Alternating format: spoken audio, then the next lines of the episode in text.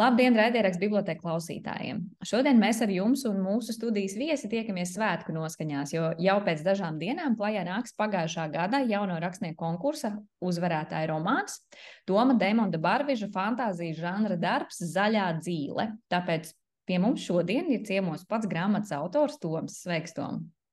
Sveika! Nu, ko, nu, tu un dienas grāmatas komanda, jūs beidzot būsiet to izdarījuši, un darbs tūlīt, tūlīt nāks klajā. Saki, kādas tev ir sajūtas par to visu? Man liekas, ka sajūta jau kopš pašā konkursu uzvarēšanas nav īsti mainījušās. Joprojām ir tāda mazliet neticība. Ceru, ka beidzot noticēšu, tad, kad uh, grāmata fiziski arī būs rokās. Bet, protams, esmu ļoti nepacietīgs. Nepacietīgi gaidu grāmatas atklāšanu un, un uh, pirmās atsauces no lasītājiem. Ir kāds, kas jau ir izlasījis darbu? Tikai, tikai redaktori un žūrija. Mm -hmm. Un žūrija jau lasīja tikai pirmo manuskriptu. Jā. Jā. Un pēc tam viņš tika vēl būtiski rediģēts. Jā, rediģēts viņš tika pamatīgi. Tādos lielos vilcienos sižetā gan nekas nemainījās. Drīzāk tur tāda uh, labāka ainu līmēšanās kopā un, protams, vārdu izvēle, pie kā tika strādāts visvairāk. Vari varbūt pastāstīt, kas ir tas, kam tu gāji pats cauri, ko tas nozīmē. Nu, piemēram, arī cilvēkiem, kas savas grāmatas vēl līdz šim nav izdevuši, atbalstot jaunos rakstniekus, kas iespējams gribētu izdot savus grāmatas, meklē izdevēju vai mēģina saprast, kā tad virzīties uz priekšu pašiem. Varbūt, ka tu tagad no tādas savas perspektīvas, no savas pirmās pieredzes šādas var pastāstīt, ko īsti nozīmē rediģēt grāmatu kopā ar redaktoru. Kam tu gāji cauri? Darbs ar redaktoru tiešām bija redaktoriem īstenībā, jo jāsaka, bija tiešām ļoti nopietns darbs. Sastāvēja no vairākiem etapiem, varētu tā teikt.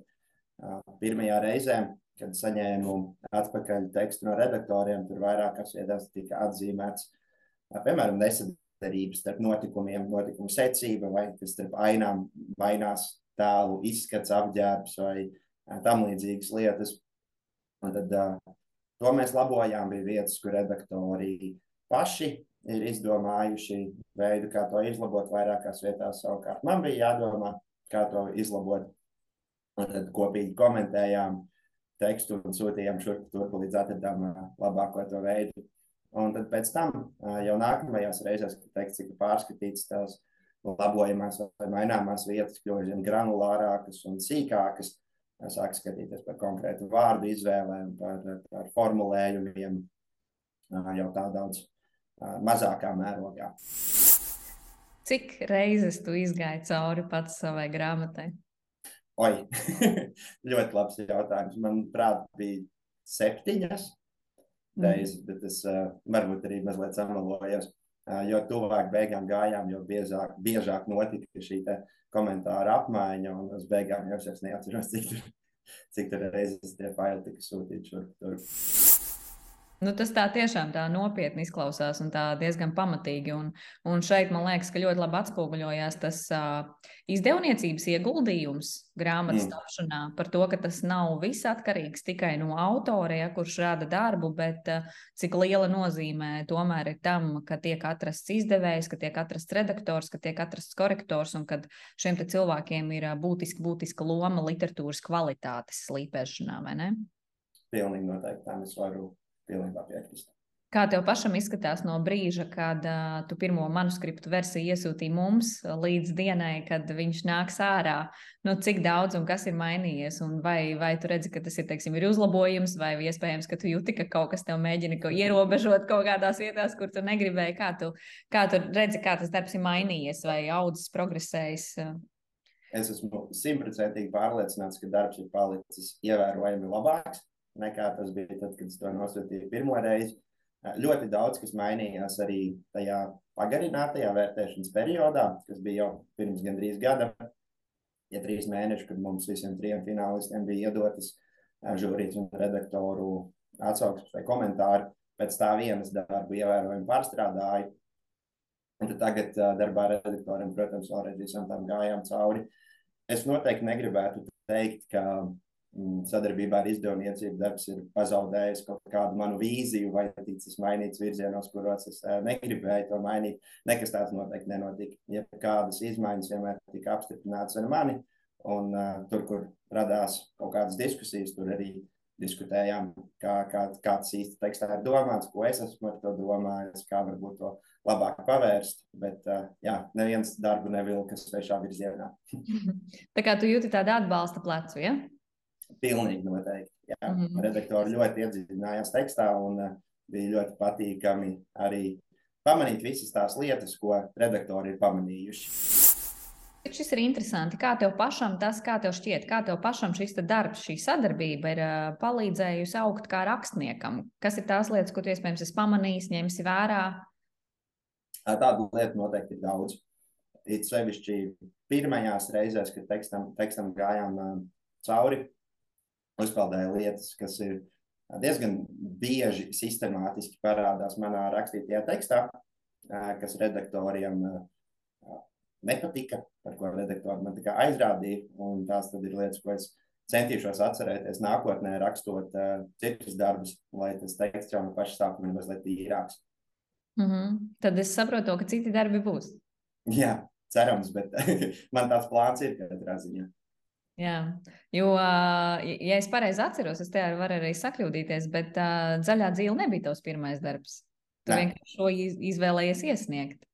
Tieši tā, šis ir tas pirmais darbs, ko es esmu mēģinājis parādīt pasaulē, bet kā manuskripts uzrakstītais zaļā dzīve, manuprāt, ir ceturtais. Kāpēc es jautāju par šo sedziņas vilkšanu uz vienu vai otru pusi? Tāpēc, ka tas, ko es esmu dzirdējusi no autoriem, arī strādājot ar citiem jauno rakstnieku konkursu dalībniekiem, ir, kuri meklē savus izdevējus vai domā, kā izdot grāmatu pašiem, tad tās lielās bailes parasti ir, kad Tagad kāds ņems, lasīs manu darbu, un kāds viņu labos un labos veidā, kas man nepatiks. Un man liekas, ka jauniem autoriem šis ir ļoti, ļoti tipiski. Un man liekas, ka tas ir ļoti būtiski, ka tu pasaki to, ka, nu, ka tas tā nav, un ka tas patiesībā ir atbalsts, un ka tas nāk, nu, ka manuskripts ir ieguvis laika gaitā. Jā. Jā. Tas tāds labs secinājums un laba vēsts iespējams kādam, kas joprojām raizējās un bažījās par to, kas viņa darbiņš tiks izdarīts rediģēšanas procesā.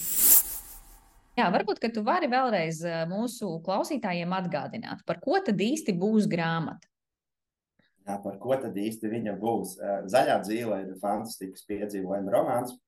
Stāsts būtībā ir par pasauli, kas sen senos laikos ir tikusi sadalīta divās daļās. Kā tas tieši noticis, kāda un kāpēc, to neviens vairs īsti neatcerās. Bet pasaule nonāca stadijā, kur daļa no tās ir savs neauglīgs līdzenums, ko tad sauc par tīrumu, un atlikusī daļa ir eh, milzīgs, mm, mežonīgs mūža meža, zaļā dzīve, kas ir arī grāmatas nosaukumā. Un stāsta galvenie varoņi dažādu motivāciju, dažādu, varbūt pat uh, gandrīz reliģisku pārliecību dēļ, cenšas saprast, kas tad ar to pasauli ir noticis, kas notiek ar pasauli tagad, grāmatas laikā, kad šis senais līdzsvars starp abām pasaules daļām ir sasvēries. Un, un, kā tai pasaulē īstenībā būtu jābūt, un vai to sen pieļauto pasaules sadalīšanu kaut kādā veidā ir iespējams arī atgriezt. Neejot detaļās, bet ļoti, tā, ļoti tāds labs filozofisks pieteikums fantāzijas romānam. tas, ko es gribu varbūt no savas puses akcentēt, ir, ka tavā darbā ir. Man šķiet, vismaz no pirmā romāna manuskripta versijas izlasītās, tas, kā es to uztveru un izlasīju, ka tur bija ļoti elegantā formā un tādā ļoti nemanāmā formā iepītas šīs latviskās vērtības. Uh, lielvārdas josta kaut kur parādās, kaut kur kaut kas uz tautas stāra pusi, kaut kas, nu, respektīvi, ir kaut kāda tāda latviešu mitoloģija, bet viņi ir tiešām tādā uh, um, patīkami neuzbāzīgā veidā mm. integrēta tajā stāstā tavā. Uh, kāpēc tev šī puse ir tik būtiska? Uh, tīri tā no personīgā viedokļa. Es vienmēr esmu bijis, um, vienmēr man ir ļoti patikusi latviskā estetika, šie paši tautas tērpi, senie raksti, uh, latviešu darba rīki un uh, rotas lietas. Uh, to, to pavisam viegli skaidrot uh, Tā kā es gandrīz kā jebkurš cits bērns Latvijā uzaugu tautas deju klubiņā, pulciņā. Ļoti ilgu laiku arī kā pieaugušs cilvēks dejoja tautas deju, dziedāja korī. Un tā latviskā estētika ir ļoti dziļa sirdī. Rakstot darbu, tas bija pilnīgi apzināts lēmums, iepīt tur šo, šos latviskos elementus, un tikpat apzināts bija arī lēmums nepadarīt tos acīm redzamus. Bet tiešām drīzāk tikai kā tādas atsauc, atsauces.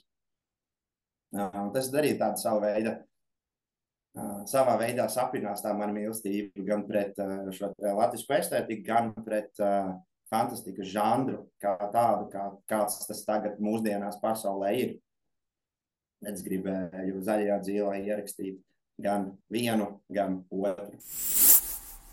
Nu, es iedošu tādu mazliet uh, ieskatu tajā, kurā virzienā skatīties par žanriem. Man liekas, ka tavs darbs uh, ir tāds.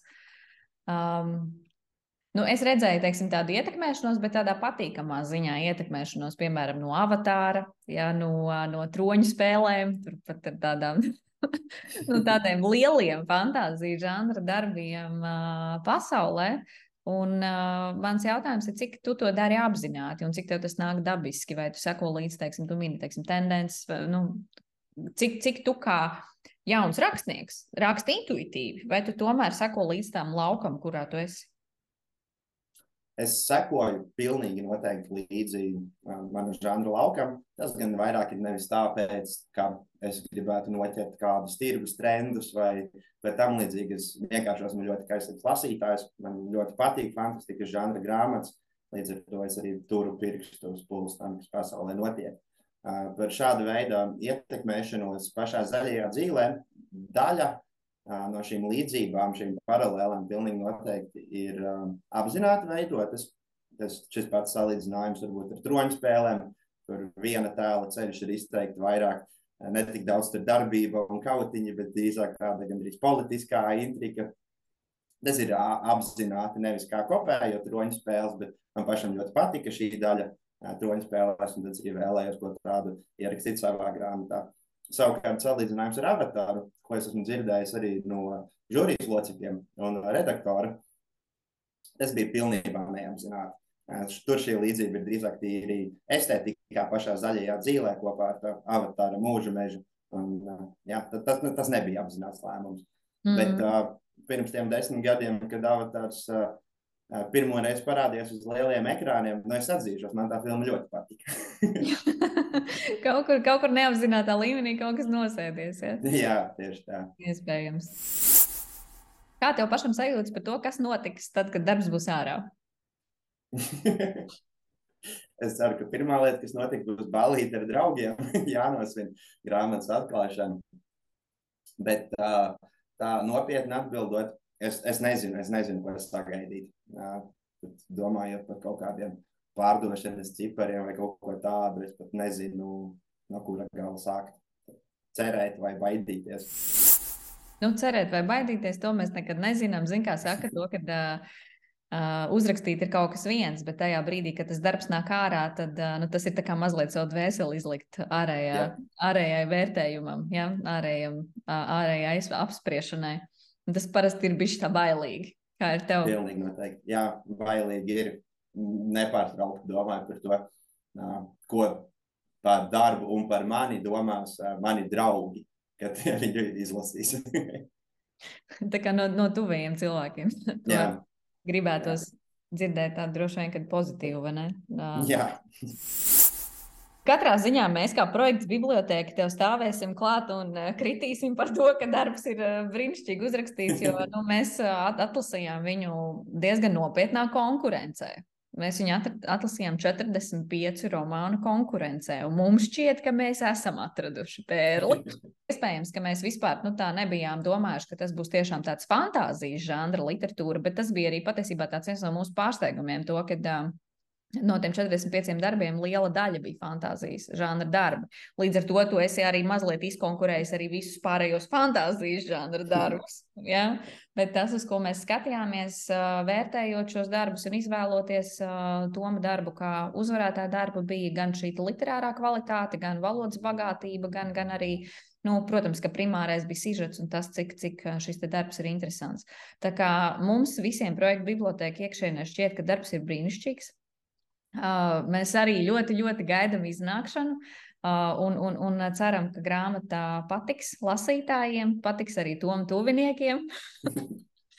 Gādāsim par to, lai tiktu uh, tiktu vērtēts un, un, un, un izteikts tāds, nu, cerams, labs viedoklis par grāmatu un vēlam noteikti tev labus pārdošanas rezultātus, gan tev, gan izdevējiem. Tā kā paldies tev, ka tu piedalījies šajā konkursā. Man ir milzīgs prieks par to, ka šis process lielais garais beidzot ir noslēdzies, jo tie arī ir svētki. Un uh, ceram, ka šis būs tāds liels atspērienu punkts tev, lai tu varētu doties tālāk arī ar citām grāmatām. Sakam paldies Tomam! Un uh, paldies arī jums, klausītāji, par klausīšanos, un tiekamies ar jums citās raidieraksta bibliotēka epizodēs. Thank you.